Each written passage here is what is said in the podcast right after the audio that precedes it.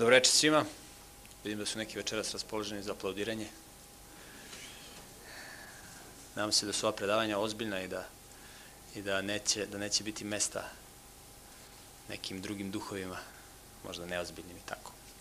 Znate, mi ovde hoćemo da tretiramo neka vrlo važna pitanja koja, koja se tiču naše egzistencije, našeg života. Znate. Postoji jedno proročanstvo koje je zapisano u u svetim spisima koji su povereni jevrejima, kojima se kaže da će se u poslednje vreme pojaviti rugači, oni koji će da se smeju, koji će da se ismejavaju, znate, kao što su se ismejavali Noju. I znate, danas je popularno biti rugač. Znate, danas pojavi se na televiziji neka ličnost, gostuje dva sata i onda ovaj, i onda se onda tako tretira i neke ljude i neke pojave i postaje popularan zahvaljujući tome što, što je nekoga ismeo, što se nekome rugao, znate. I mi tako neke fenomene u prirodi primećujemo i onda se ismejavamo, budemo neozbiljni. Biti rugač je vrlo ružna karakterna osobina. Tako su se jednom čoveku nekada rugali, zato što je iznosio jedan koncept koji se suprotio tadašnjem javnom mišljenju. On je radio nešto što niko nije radio. Tako isto i danas. Ako vi radite nešto što niko drugi ne radi, onda se ljudi rugaju. Ako hoćete moralno da živite, što redko ko radi, onda će ljudi da vam se rugaju. Znate, kada izađete u restoran, onda, ako nećete naručite klasično piće, onda se kaže da je to piće za ženu i za dece. Za decu to što vi hoćete da pijete. Isto tako, ako hoćete da budete zdravi, ako hoćete zdravo da se hranite, takođe mogu da vam se ismejavaju. Ja jednom kad sam bio na jednom ručku, jedan moj rođak, pošto ovaj, imao, imao je priliku da zlopotrebljava to što sam mu ja rođak, on kaže svojoj ženi domaćici, kaže, idi, idi ovaj, donesi travu da Miroljub pase. Tako se on meni smeja, zato što ja jedem ovaj, neke stvari koje su vezane za preventivnu medicinu, tako. Ovaj, tako. Naravno, argumenti koji, koji sam ja iznao, njemu toliko nisu važni. Njegova supruga, tog mog rođaka, njegova supruga a, je sad skoro išla u banju zato što ima obolenje srca. A i oni njegova supruga tako vole da se smejavaju na moj račun po nekim, zašto, zašto imam tako određene koncepte životne. Kaže, vi ste u manjini. Kaže, vas su kroz celu istoriju proganjali, takve kao što si ti. Kaže, pogledaj šta su vam radili. I tek ćete, kaže, da nastradate. I sad je supruga od tog mog rođaka, dakle isto moja rođakinja, bila skoro ovaj, u prirodi, morala da ode na selo, da promeni sredinu života. Tako je lekar prepisao. Zato što ima, ima bolesno srce. I lekar je rekao da je to početak angine pectoris. Znate šta je to? Znate kakva je to bolest strašna? Znate kakav je život sa anginom pectoris? A to je, pazite, to su njeni početci. A ja sam njoj mnogo pre toga pričao s čime treba da se hrani i kako treba da se hrani. I kako treba da se ponaša u životu. Ona se smejala. Ona kaže, ti si fanatik. I sada je stižu posledice stižu posledice njenog načina života. I ja njoj kažem i sada, evo, evo sad imaš početak angine pectoris. Razumiješ? Ja ne znam kada ćemo se sledeći put vidjeti, možda ćemo sledeći put, možda ću sledeći put samo biti ja na tvojoj sahrani. A ona to, ta moja rođakinja to ne prihvata. Ta rođakinja je moja majka. Da se smeje. Šta ja mogu? Mogu da se molim Bogu i da rugači, znate, smeju se. I smejavaju. Znate, kad, kad čovjek vidi karikaturu, kad čovjek vidi nešto, kad čuje vic, znate, ozbiljan čovjek će da se gnuša, a neozbiljan čovjek koji je duhovno bolestan, on će da se smeje. Razumete? Njemu je potrebna, njemu je potreban povod. Potreban je povod da se njego, dakle, potrebna je neka disharmonija u prirodi koja će da izazove da njegova unutrašnja disharmonija se manifestuje. Razumete? Zato kada, kada vidite čovjeka koji se cereka, onda vidite da je duhovno bolestan. Kada vidite čovjeka koji kašlje, onda da je fizički bolestan. Razumete? Samo što, samo što je danas moderno, znate, biti rugač, biti neko ko je ko si smeo. A tvorac kaže, oko je videlo svetu. Ako je oko bolesno, svoje telo bolesno. Znate, čovjek koji je rugač, koji ima bolesno oko, u duhovnom smislu bolesno oko, on kod ljudi vidi samo ono što je negativno. Ono što je zlo, on ne vidi ono što je pozitivno. Mi bi trebali da imamo bolesno, da imamo zdravo oko, da možemo kod ljudi da prepoznemo ono što je pozitivno. I na tome što je pozitivno da zidamo, da gradimo. Znate, čovjek koji ima bolesno oko, ja rugač, on kada izađe u prirodu, on vidi samo korovi i trnje. On ne vidi ptice, cveće, šumu, drvu. I pre oko 4.500 godina bili su rugači takođe, ljudi koji su se smejali. Bio je jedan čovjek koji se zvao Noje i pravio brod. I oni se njemu smeju. Šta će tebi brod? Zašto to radiš? Tako i danas. Ako vi hoćete da moralno živite, oma će ljudi da vam se rugaju. Ne samo da će da vas rugaju, nego će da vas gone. Tvorac je kazao, svi koji hoće da žive pobožno, koji hoće da žive u skladu sa moralnim zakonom, bit će gonjeni. Ja pripremam jednu skriptu gde, gde, gde ćete moći da, da, da, koju ćete moći da nabite. Zove se istorija Božjeg naroda. Da vidite kroz istoriju. Kako je prolazio Božji narod. Kako je prolazio, da vidite. I to je velika na, pouka nama zbog toga što da znamo kako. To je pouka svima onima koji su ozbiljni, da vide kakva je njihova sudbina. Šta ih očekuje, tako da znaju kako da se pripreme. I bio je taj jedan čovjek kome su se rugali, on je pravi jedan brod. I danas postoje mnoge emisije koje se na indirektan način izruguju događaju koji se desi preko 4.500 godine. Mi ćemo taj događaj da tretiramo. Događaj je vezan za Nojevu barku. Verujem da su mnogi od vas gledali emisije koje su prikazivane na televiziji, gde je navodno satelitskim uređajima od strane najvećih autoriteta konačno ustanovljeno da je Nojeva barka pronađena. I vi ste možda gledali te emisije, oni su prikazivane na televiziji. I ja ću u drugom delu ovog predanja reći nešto o tim pronalazcima, koliko su oni autentični, koliko su oni verodostojni. Jedan od najpoznatijih naučnika koji se bavi pitanjima porekla, koji zastupa koncept stvarenja, dr. John Morris, inače direktor instituta za proučavanje stvaranja iz San Diego, on je 13 puta išao na Ararat. On je geolog, je doktor geologije, ja moj kolega, ja sam imao komunikaciju i on je poslao, ja sam njega nabio dve videokasete gde su, gde postoje snimci njegovog istraživanja planine Ararat, gde se smatra i gde je zapisano, u mojim knjigama je zapisano da je na planine Ararat se ukotvila, ukotio brod. Tako da ćemo to pitanje da tretiramo koliko je autentično to da je nova barka otkrivena. Jedna od glavnih kritika koje se upućuju uh, onome što je vezano za izveštaj o Nojove barci jeste kritika naravno strane zastupnika konvencionalne teorije ili teorije evolucije i od strane naravno ateista, koji kažu da je taj izveštaj čista mitologija, da nema veze sa naučnim činicama. Ono što je važno jeste da u Mojsijevoj knjizi, prvoj Mojsijevoj knjizi, date je, date izveštaj o građanju broda. Naime, tvorac je rekao da treba da se napravi brod određenih dimenzija.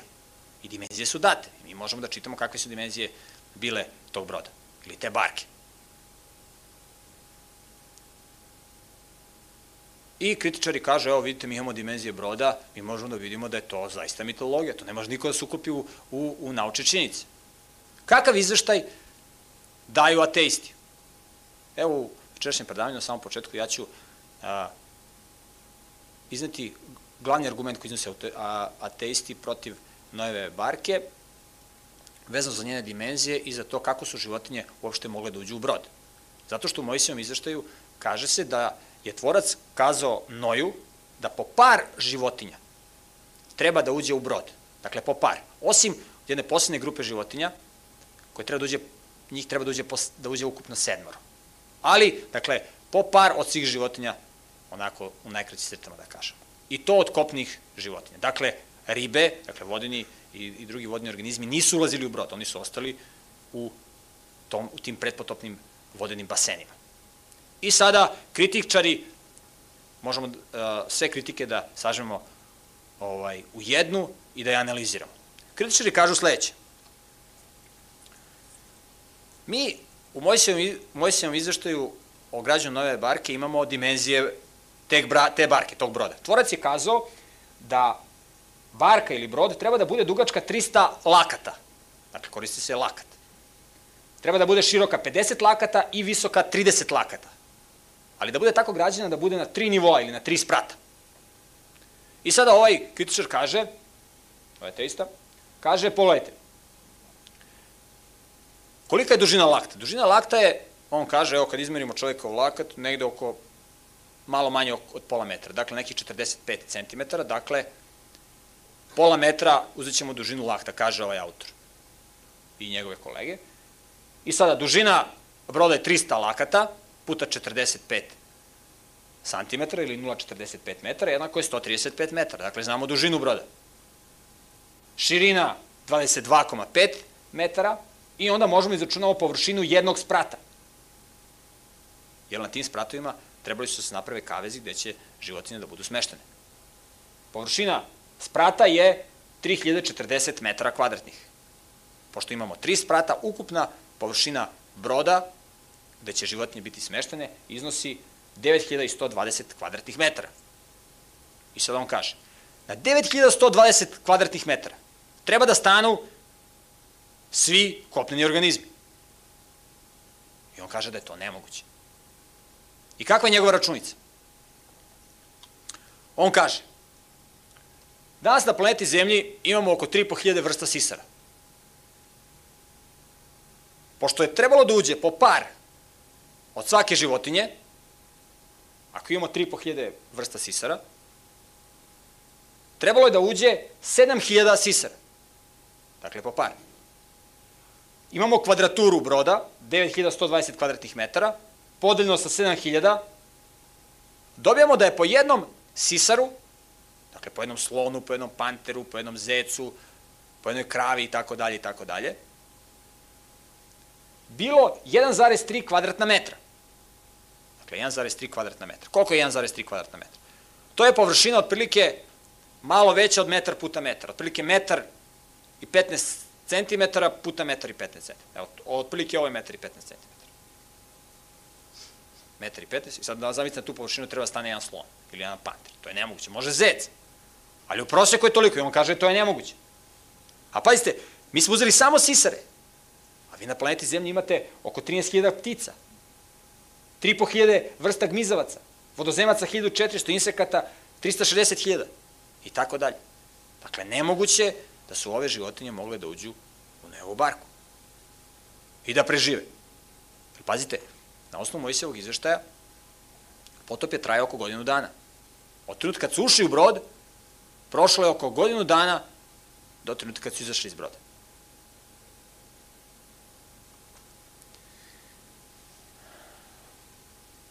Šta možemo da kažemo na ovaj prigovor? Znate, ono što je vrlo važno jeste ako je nešto istina, onda koliko god da ga vi kritikujete, vi ne možete istinu da srušite.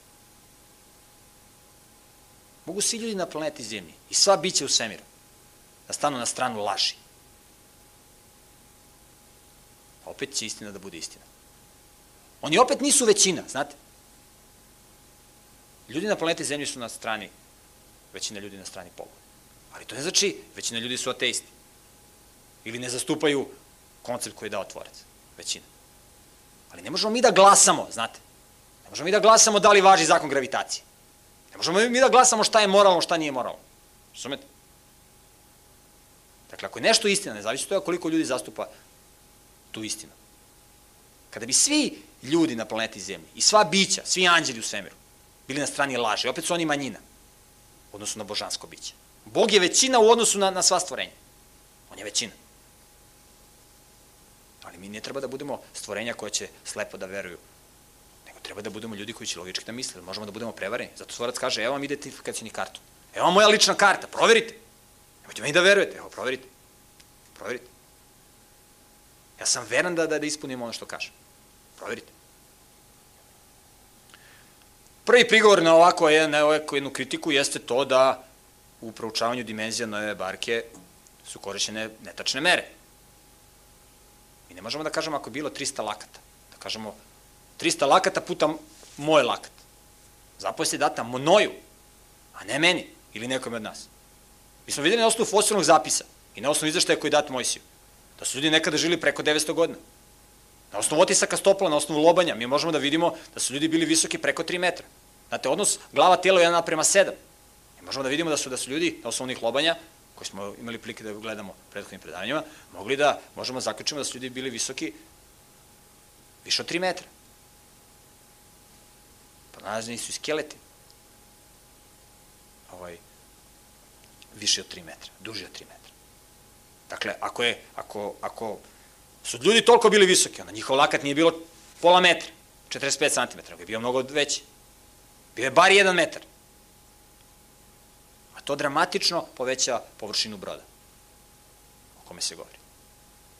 Dalje, govori se o tome da životinje nisu mogle da uđu u brod. Kako su životinje mogle da uđu u brod? Pazite, mi ne možemo tačno odredimo kvadraturu broda. Jer mi ne znamo koliki je lakat imao Noje. Mi možemo da nagađamo, možemo da pretpostavljamo, da kažemo otprilike 1 metar. I da imamo otprilike kolika je bila kvadratura broda. Ali ono što možemo takođe da tretiramo, jeste pitanje, mi možemo o tome da razmišljamo, mi imamo dovoljno činjenica, da vidimo kolike su otprilike bile dimenzije broda i površina broda. I da li su životinje mogle da budu smeštene ili ne. Kako su životinje mogle da uđu u brod? Da bismo razumeli kako su životinje mogle da uđu u brod i koje su životinje ušle u brod. Tvorac je rekao od svih životinja po par. Moramo da precizno analiziramo izvešte o stvaranju i da konsultujemo originalni jevrijski tekst. Kada je tvorac stvarao biljke i životinje na planeti Zemlji, izveštaj koji je dao Mojsije, koji je dat Mojsiju, odmah u prvom poglavlju njegove prve knjige, kaže se da su sve biljke i životinje stvorene po svojim vrstama. U originalnom jevrijskom testu koristi se jevrijska reč min za vrstu. Min znači tip u doslovnom prevodu. Dakle, jedno je biološka vrsta koju mi danas kažemo, na primjer ova vrsta psa. Imamo puno vrsta pasa. Nije tvorac stvorio puno vrsta pasa koje mi danas imamo, nego stvorio tip pasa. I kako to izgleda? Dakle, imamo stvaranje. To je ova donja horizontalna linija. Za vreme stvaranja, tvorac je stvorio tipove organizama. Naprimjer, stvoren je tip čoveka. Vi od jednog čoveka, od jednog ljudskog para, mi smo o tome govorili kad smo govorili o rasama i o krvnim grupama, možete dobijete sve vrste današnjih ljudi. Sve da kažemo rase ili vrste, po znacima navode, i rase vrste. To nije adekvatan termin. Dakle, od jednog tipa i možemo da kažemo da je čovekova vrsta monotipična, mono. Da je bio jedan tip. Međutim, na primjer, evo kod konja. Tvorac je možda stvorio nekoliko tipova konja. Na primjer, stvorio jedan tip konja, na primjer, koji mi da nazovemo magarci. Dakle, organizmi koji su neka vrsta konja. Tip konja. Jedan I onda su od tog jednog tipa, od jednog para magaraca, nastale su razne vrste magaraca. Od jednog tipa konja, dakle, organizma koji je, koji je više nalik savremenom konju, nastali su razne vrste konja pre potopa. Možda je stvoreno tri, četiri osnovnih tipova konja, ali nije stvoreno hiljadu ili 50 ili, ili, ili 150, koliko danas mi kažemo da ima vrsta pasa, mačaka, konja i tako dalje. Isto tako imamo nekoliko tipova pasa ali tipova, ne vrsta. Dakle, u početku je bilo mnogo manje tih osnovnih tipova, mnogo manje tih vrsta, govore, govoreći u terminologiji savremene biologije. I sad šta se dešava? Dolazi potop. Koji organizmi ulaze u brod? U brod ulaze samo ishodišni tipovi. Ulaze sve vrste. Razumete? Imate nekoliko vrsta konja. Ulaze samo tipovi konja, osnovni tipovi, oni koji su, oni koji su stvoreni u početku. Tako da nije potrebno da uđe 3.500 vrsta sisara. To je jako bitno da zapazimo. Bez obzira što danas živi samo 1% organizama koji su živjeli u geološkoj prošlosti, ako su osnovni tipovi ulazili u brod, nema nikakvih problema da svi stanu u brod. Tako da nije korektna primetba, imamo danas hiljade i hiljade vrsta organizama na planeti Zemlji kako su mogli da uđu. Ušli su samo osnovni tipovi, to je bitno. I šta se dešava posle potopa? Dolazi do, do toga da od jednog tipa vi dobijate kompletnu populaciju. To vi danas, slično nešto imate danas u prirodi. Naprimer, dođe do, do, do stvaranja vulkanskog ostrava. Izbije vulkan ispod mora, formira se ostrvo i sada neki gmizavac na nekoj dasci, na nekom splavu, prirodnom splavu, dospe na, na, na to ostrvo. Vi doćete za 20 godina na ostrvo ono, od jednog, od jednog gmizaca, od jednog tipa gmizavaca. Vi imate razne vrste gmizavaca. Zato što on u sebi ima variabilnost cele njegove populacije. Skoro cele njegove populacije. Ako je to ishodišni tip, onda ima celu pa, populaciju. Ako je neki ovaj, onda nema, nema celokupnu populaciju, nego ima veliki deo populacije. Mislim da to je jasno. Tako da mi danas imamo razne vrste organizama. Razne vrste organizama koji su nastali od osnovnih tipova u početku. I koji su se razganali od istih tih tipova koji su ušli u brod za vreme potopa. Dakle, za vreme potopa, odnosno neposredno pre potopa, samo su osnovni tipovi organizama ušli u brod. Tako da nema nikih problema o tome da su oni mogli da uđu u brod. Takođe, jedan, prigovor, jedan od prigovora koji se, odnosno jedan od pitanja koje se postavlja, ne mora to da bude prigovor. Znate, jedan čovjek koji uzme da čita moj se izveštaj, ne mora on da prigovora, on, on, njemu se postavljaju razna pitanja, dolazimo neka pitanja, naviru mu. Naprimjer, kako su ti organizmi mogli da prežive? Mi znamo na osnovu izveštaja o potopu da je, kada je počeo potop, kiša padala 40 dana. Dakle, mi smo govorili o tome da je postao vodeni omotač, tako je zapisao Mojsi, iznad atmosfere, koji stvara efekt staklene bašte. I taj vodeni omotač se jednostavno obrušio, došlo do njegove do njegovog obrušavanja na planetu Zemlju u vidu kiše, a, a vodeni izvori su iz dubina Zemlje takođe proradili. Tako da je bila vodena kataklizma. 60 dana je trajala kataklizma. Nakon, 40 dana. Nakon 40 dana padanja kiše i ove kataklizme, imali smo, kaže izveštaj, da je 150 dana voda prekrivala sva brda i sve planine na planeti Zemlji. To nije ništa nemoguće. Kada bismo danas poravnali sva brda i planine na planeti Zemlji, dobili bismo, cela planeta Zemlja je bio jedan veliki okean, dubine oko 2,5 kilometra. I to je vrlo interesantno, znate, kada je planeta Zemlja stvarana u početku, moj se kaže da dobio informaciju da, je, da se planeta Zemlja kao da se ona kupala u vodi. Kao da se ona kupala u vodi i onda ovaj, je došlo do razdvajanja kopna, kopnenih i kopno vodenih basena. Tako imamo, kao da imamo ponovno stvaranje planete Zemlje. Kao jedna, jedna hiruška intervencija, opet se Zemlja kupa u vodi i onda 40 dana padla kiša, 150 dana je kompletna Zemlja pod vodom i onda dolazi polagano, voda počinje da otiče. Tvorac produblje okeanska, okeanske basene, kontinenti se izdižu, formiraju se planinski venci i voda počinje da izdiže. Ali polako. I tek negde godinu dana od kada je, od kada je počeo potop, dakle, kiša je padala 40 dana i 150 dana je voda prekrivala sve. Dakle, skoro 6 do 7 meseci je, je sve bilo pod vodom. A tek godinu dana od početka potopa tvorac kaže, otprilike oko godinu dana tvorac kaže Noju da može da izađe iz broda. Dakle, oni moraju da se aklima, morali su da se aklimatizuju i ljudi i životinje na nove uslove života. To je vrlo važan aspekt. Totalno druga klima, drugi uslovi života posle potopa. I sada imamo da je od trenutka ulaska u brod ili u barku, do trenutka izlaska, da je proteklo skoro godinu dana. Sad kako su životinje mogle da prežive? Morali su nešto da jedu, tako, morali su da piju vodu. Ogromne te životinje. Veliki broj. I to je jedno pitanje koje se nameće. I naravno pitanje koje kritičari upućuju zastupnicima koncepta stvaranja. Mi u izveštaju koji je dat, koji je dat Mojsije možemo da vidimo da, da je Mojsije uneo hranu životinjama. Međutim, ta hrana očigledno bi bila nedovoljna. Znate koliko jedan slon jede. I sad vi njega da nahranite za godinu dana, to je, su zaista ogromne količine. A ne samo slon, postoji drugi životinje koje puno jedu.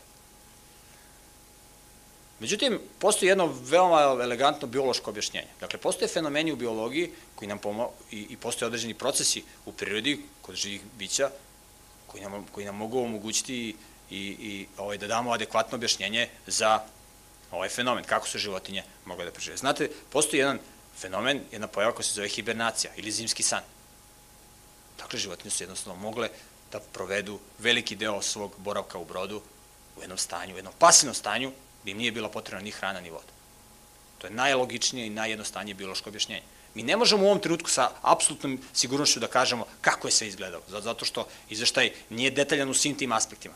Izveštaj je dovoljno opširan da nam kaže osnovne stvari onome što se desilo, a da opet taj izveštaj ne bude nenaučan, da, da ne bude nelogičan. Dakle, postoje fenomeni koji smo mi, koji, koji egzistiraju u, kod živog sveta, koji nam, koje je biologija otkrila, koji nam omogućavaju da damo odgovor na, na najvažnija pitanja vezano za koncept stvaranja.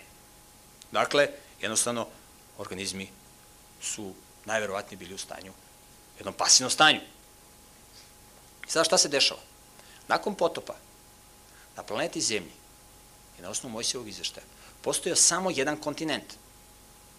Samo jedan kontinent.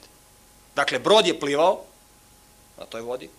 Došlo je do toga da su da je jedan kontinent, taj glavni kontinent počeo da se izdiže, izdubljivali su se okeanski baseni, i mi to znamo, mi naprimjer imamo velike podvodne kanjone, kako je voda oticala i stvarala kanjone. Ogromne kanjone, dugačke kilometrima. To je možemo da pričamo samo jedno predavanje. Mi smo govorili ovde o kanjonima, ali da vidite podvodni kanjoni. To, su, to je enigma u evoluciji. Dakle, taj kontinent je počeo da se izdiže, taj jedan kontinent koji je bio, posle potopa stvarili su se okeanski baseni i izvešte kaže da se brod, dakle Noe Noe brod, Noeva barka se zaustavila na planini Ararat. I mnogi autori smatruju da ta Ararat, taj Ararat koji je zapisan u Mojsijem izveštaju da je to ovaj sadašnji Ararat u Turskoj. Mi ne možemo da kažemo i da jeste ni da nije. Vrlo je verovatno da jeste. To sad nije toliko bitno. Dakle, postoje samo jedan kontinent nakon potopa. I životinje izlaze iz broda, i živi svet se nastanjuje na planeti Zemlji ponovo. I onda imamo da 100 godina nakon potopa, negde oko 100 godina nakon potopa, za vreme Faleka, tako izvešte kaže, došlo je do razdvajanja kontinenta. Dakle, taj jedan kontinent se razdvojio. Dakle, bilo je 100 godina dato da se organizmi, da se živa bića namnože, da zauzmu sve meridijane na kojima će živeti i da onda dođe do razdvajanja kontinenta. Dakle, nije potrebno da konji idu nekim, kako tvrdi konvencionalni teorija, da idu nekim, nekim putima preko tamo Sibira, Aljaske, da dolaze iz Evrope u, u, u Ameriku i tako dalje. Ili iz Amerike u Evropu da migriraju i tako dalje i tako dalje. Postali su. Dakle, postoji jedan kontinent, dolazi do razvajanja kontinenta. Zastupnici konvencionalne teorije kažu da su se kontinenti razdvajali ali milionima godina. Naravno, pošto postoje argumenti o tome da je planeta Zemlja mlada, mi možemo da vidimo da se razdvajanje kontinenta desilo za veoma kratko vreme. Kako se to desilo? Vidjet ćemo da postoje mehanizmi. Kako je tvorac planetu Zemlju projektovao, kako je, kako je kreirao. Da razdvajanje kontinenta ne bude bolan proces, nego da bude jedan, mogli da kažemo, bezbolan proces. Dakle, imali smo jedan kontinent nakon potopa. I onda dolazi do razdvajanja kontinenta. I imamo sadašnje kontinente. Vi tačno kad pogledate oblik kontinenta, vidjet ćete da se oni uklapaju. Naprimjer, naj, to se najlepše vidi ovde u uklapanju Južne Amerike i Afrike. Naprimjer, planinski venci koji postoje ovde u Južnoj Americi, oni se nastavljaju ovde u Africi. Tačno vidite kako se nastavljaju. Nastavlja se planinski venci, ista, ista struktura stena. Dakle, to je nekada bilo jedno, jedno telo, jedan kontinent. I danas imamo ovakvu strukturu. Naravno, zastupci konvencionalne teorije kažu da se ovo, ovaj proces odvijao milionima godina. I postoje neki izveštaj kao da danas kontinenti navodno se takođe razdvajaju brzinom od nekih 1 do 2 cm godišnje. Sa druge strane, izveštaji pokazuju i predstavljaju satelitska merenja da se kontinenti uopšte ne razdvajaju. Kako mi možemo da testiramo da li se kontinenti razdvajaju ili se ne razdvajaju? Možemo samo da verujemo autoritetima. To uopšte nije bitno pitanje da li se kontinenti razdvajaju. Bitno da su oni razdvojeni. Kad su se oni razdvojili? Mi smo videli da geološke činjenice pokazuju da je planeta Zemlja mlada i mi ćemo to pitanje detaljno da tretiramo. Mislim, ja sam o tome govorio. Dakle, razvajanje kontinenta je moralo da bude za veoma kratko vreme. Kako je to moglo da se odvije? Potrebno je malo da pogledamo kako izgleda zemljina kora. Dakle, taj površinski očasli deo planete Zemlje, koji zovemo zemljina kora, u presuku otprilike izgleda ovako. U bazi imamo jednu stenu koja se zove bazalt. Inače, za sve stene na planeti Zemlji, za skoro sve stene znamo kako su nastale. Ovaj bazalt inače nastaje tako što dolazi do topljenja i očešćavanja jedne druge stene koje se zove Gabro. Za Gabro, za stenu Gabro se ne zna kako je nastalo. Konvencionalna geologija ne zna kako je nastalo. Zastupnici sa stvaranja znaju. Iznad te stene Gabro nalazi se, s jedne strane, okeanska dna se nalaze, dakle, tanak sloj sedimentnih materijala, sedimentnih stena, i nalazi se, nalaze se kontinenti. Osnovu kontinenta čini ova stena koja se zove granit, koji sam ja govorio, to je misterija u evoluciji kako nastao granit. Najlepša stena od koje se pravi nadrovni spomici. Mi smo videli da su u granitu pronađeni otisti stvarni, da su pronađeni ostaci radioaktivnih elemenata koji ukazuju na to da je granit nastao skoro trenutno. I na tom granitu leže sedimentne stene. Sad pogledajte, granit je lakša stena od bazalta. I vidite kako je projektovana zemljina kora. Dakle, ovaj granit jednostavno može da klizi na bazaltu. Dakle, nije, kada je tvorac razdvajao kontinente, nije to bio neki sirovi proces gde dolazi do kidanja stena. Nego, već su napred uspostavljeni mehanizmi.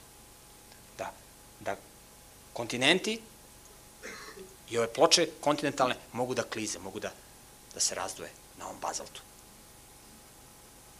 Dakle, postoje mehanizmi. Dakle, ne da mi u to slepo verujemo.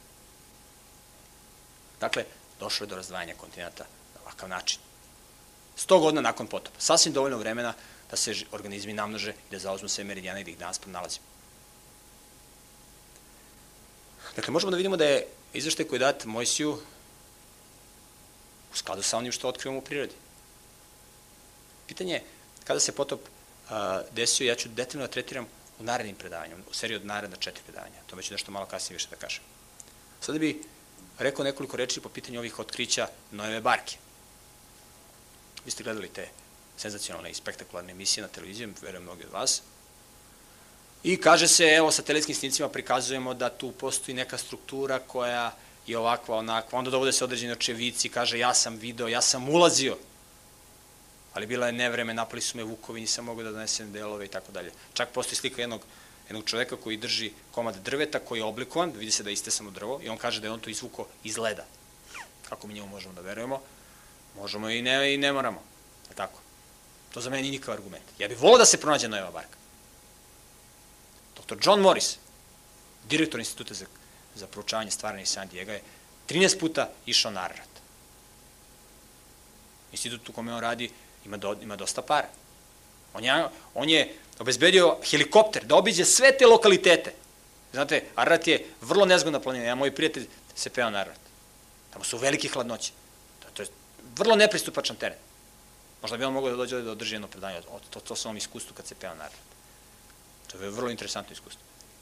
I ovaj profesor, dr. John Morris, se 13 puta peo na Ararat u želji da pronađe na, ovu barku. Kažem, angažio je helikopter, obilazuje sva mesta i nije mogao da nađe. I znate, bilo bi vrlo neozbiljno da sad mi se bavimo naukom i da iznosimo neke poluistine kao naučno validne. Neva barka, nažalost, ili na sreću nije pronađena. Zavisi ko priča. Dakle, ne postoje dokazi da je nova barka pronađena. Postoji mnogo ljudi koji pričaju da su je videli. Ali znate šta je dokaz? Dokaz je kada mi možemo da, da je vidimo i da kažemo ona je tu. Možda se ona nalazi na nekom drugom mestu. Možda ona isturila, možda ona ne postoji.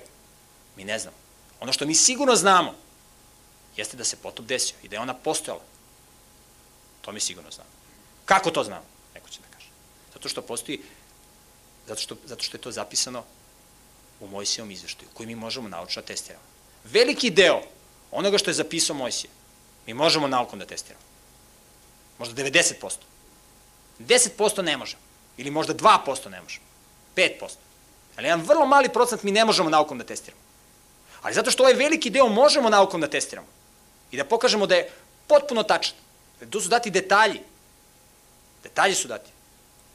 Mi onda možemo da imamo poverenje u onaj deo koji ne možemo naukom da testiramo. Zato što u ovom trenutku naša naučna metodologija nije toliko razvijena da mi možemo da testiramo taj aspekt. I taj deo. Dakle, to je bitno. I mi onda možemo da imamo poverenja Dakle, mi imamo obilje dokaza da se potop desio. Izađete bilo gde u prirodu, nećete na groblja fosila. Ja posjećam da fosili nigde u prirodi ne nastaju, a mi imamo groblje. širom planete Zemlje. Milijarde i milijarde organizama. Ogromne naslage uglja, ogromne naslage nafte, koji nigde u prirodi ne nastaju. Fosili nastaju samo uslima katastrofa, uslima rapidnog zatrpavanja. Mi smo hteli da organizujemo pre nekoliko sedmica izlet na Frušku goru, da vidite fosile morskih organizama na vrhu planine. Nije bilo mogućnosti tehničkih, pa smo to odložili za proleće. U samom slučaju, gde god da se prošate na planeti Zemlje, uzete da bušite, da kopate, ne idete na fosile, na groblja fosila. Možete samo da se čudite. Kad ne bismo imali Mojsijev izveštaj o potopu, bismo mogli samo da se čudimo gledajući fenomene oko nas. Isto tako stene kad vidimo. Da vidimo morske stene, stene koje staložu morima i okeanima na vrhovima planina. Neverovatno. Struktura tih stena samo da vidite kako. To su nabori, u ogromnim paketima. Znate, građevinski radnici izlivaju beton, oni prave stene danas. Na sličan način kao što nastaje u prirodi. Ali vi nikad nećete vidjeti izlivenu betonsku ploču savijenu ovako. Ona može da se savije, ali dok je meka nekonsolidovana. Razumete? Ali vi kad vidite te ogromne nabore, pogotovo ako idete za Crnu Goru pa se vozite autobusom ili vozom, pa pogledajte stvari. Ogromne pakete sedimentnih stena savijeni, krešnjaških, morskih stena. Kakve su, to, kakve su to bile sile? Ja sam o tome detaljno govorio, o predavanjima, prethodnih predavanja koja možete nabaviti na audio na videokasetama na izlazu. Dakle, izveštaj o Nojove barci je u skladu i konzistentan sa naučnim činjenicama. On nije u disharmoniji sa naučnim činjenicama, to je vrlo važno. Ono što je važno takođe jeste da je postao period u ljudskoj istoriji kada je jedan objekat, brod, bio jedini način kako su ljudi mogli da se spasu. Jedini put da čovjek iz predpotopne civilizacije pređe u posle potopnu, bio je brod. Razumete? Ali da bi čovjek ušao u brod, on je morao da bude moralan, on je morao da bude karakteran. Razumete? Jer samo karakteran i ozbiljan čovjek može da veruje onome što kaže tvorac. Jer ono što tvorac kaže je u potpunoj suprotnosti sa svim onim što rade većina ljudi danas. Sam mislite, Noe gradi brod. Da se smeju. Šta će ti brod od kiše kad kiša ne može da pada? To, to što ti radiš, to ne radi niko. Tako isto vi pokušajte da budete zdravi, da zdravo živite. Ako vi hoćete da, da poštujete principe preventivne medicine, ono što je preventivna medicina otkrila u 19. veku, to je za moj se zapisao pre 3.500 godina. Vi ako hoćete da poštujete zakone preventivne medicine, da će da se smeju. Zato što to ne radi niko. To, to rade samo fanatici. To rade neki koji hoće, ne znam, da budu manekeni i tako dalje. Razumete, oni se hrane iz pogrešnih pobuda. Čovjek hoće da, se, da bude zdrav, da bi mogao bolje da uživa u grehu. Zato mu treba zdravlje, treba njemu zdravlje zato što on hoće da kvalitetno živi. Tako da, ako vi hoćete da budete ozbiljni, kao što, su, kao što je bio Noj i njegova porodica, onda isti scenarij vas očekuje, ista, ista sudbina vas očekuje. Znate, kaže, kaže tamo u, u, u jevrijskim spisima, kaže, svi koji oni koji hoće da žive pobožno, bit će gonjeni. Imaće da se smeju. Da se ljudima smeju, rugači. Isto tako postoji proročanstvo. Kaže, u poslednje vreme doći će rugači koji će živeti po svojim željama i koji će tvrditi i govoriti gde je obećanje dolaska tvorca. Gde je njemu? On kaže da će doći, što ne dolazi? Razumete? Tvorac kaže, ja ne kasnim sa svojim obećanjem, nego vas trpim. Jer mi nije milo da gine bezbožnik. Da, da, da gine onaj koji je nemoralan, nego da se vrati sa svog zlog puta. Vratite se, vratite se, zašto da ginete?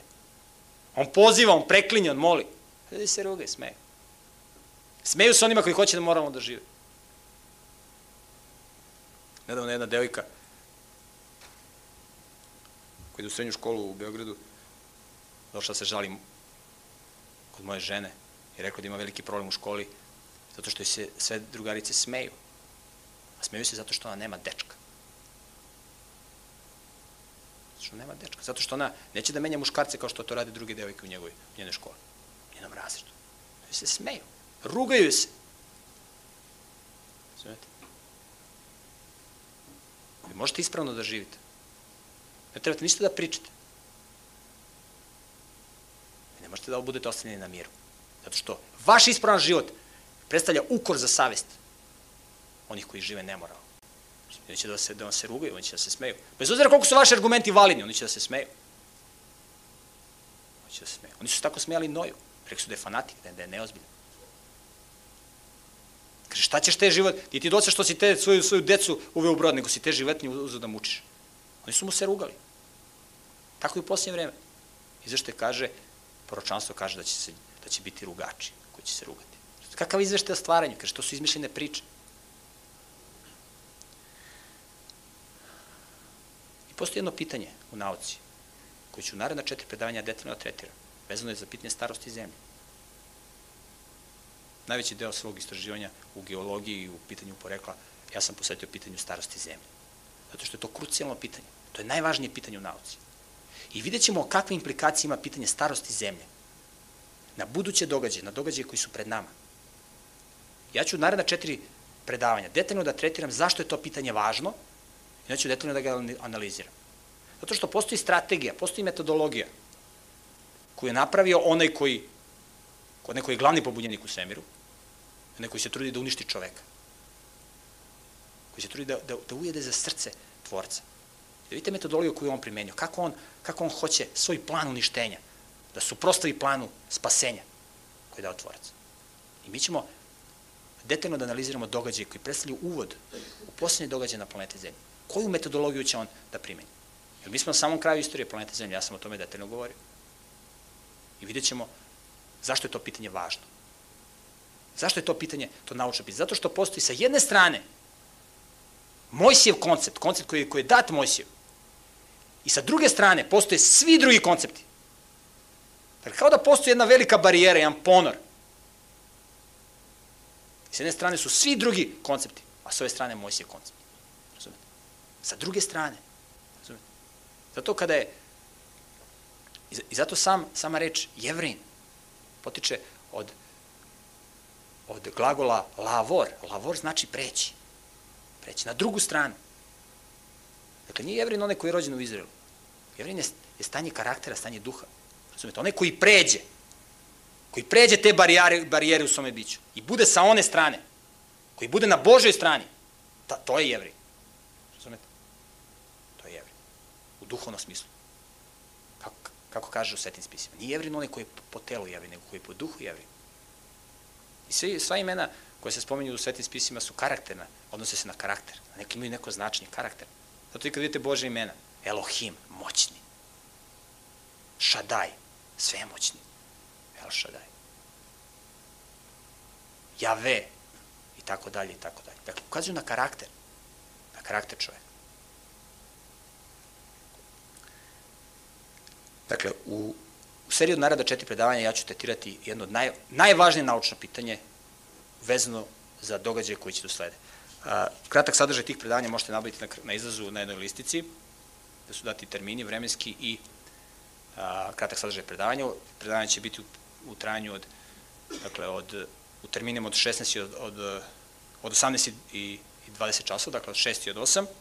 Takođe na izlazu moćete da nabavite literaturu iz ovih oblasti o kojima da pričamo. Takođe svi oni koji su zainteresuju mogu lično i postaviti pitanja na izlazu iz ove dvorane. Ja vas sve pozdravljam, zahvaljam se strpljenju i želim vam svima prijatnu i laku noć.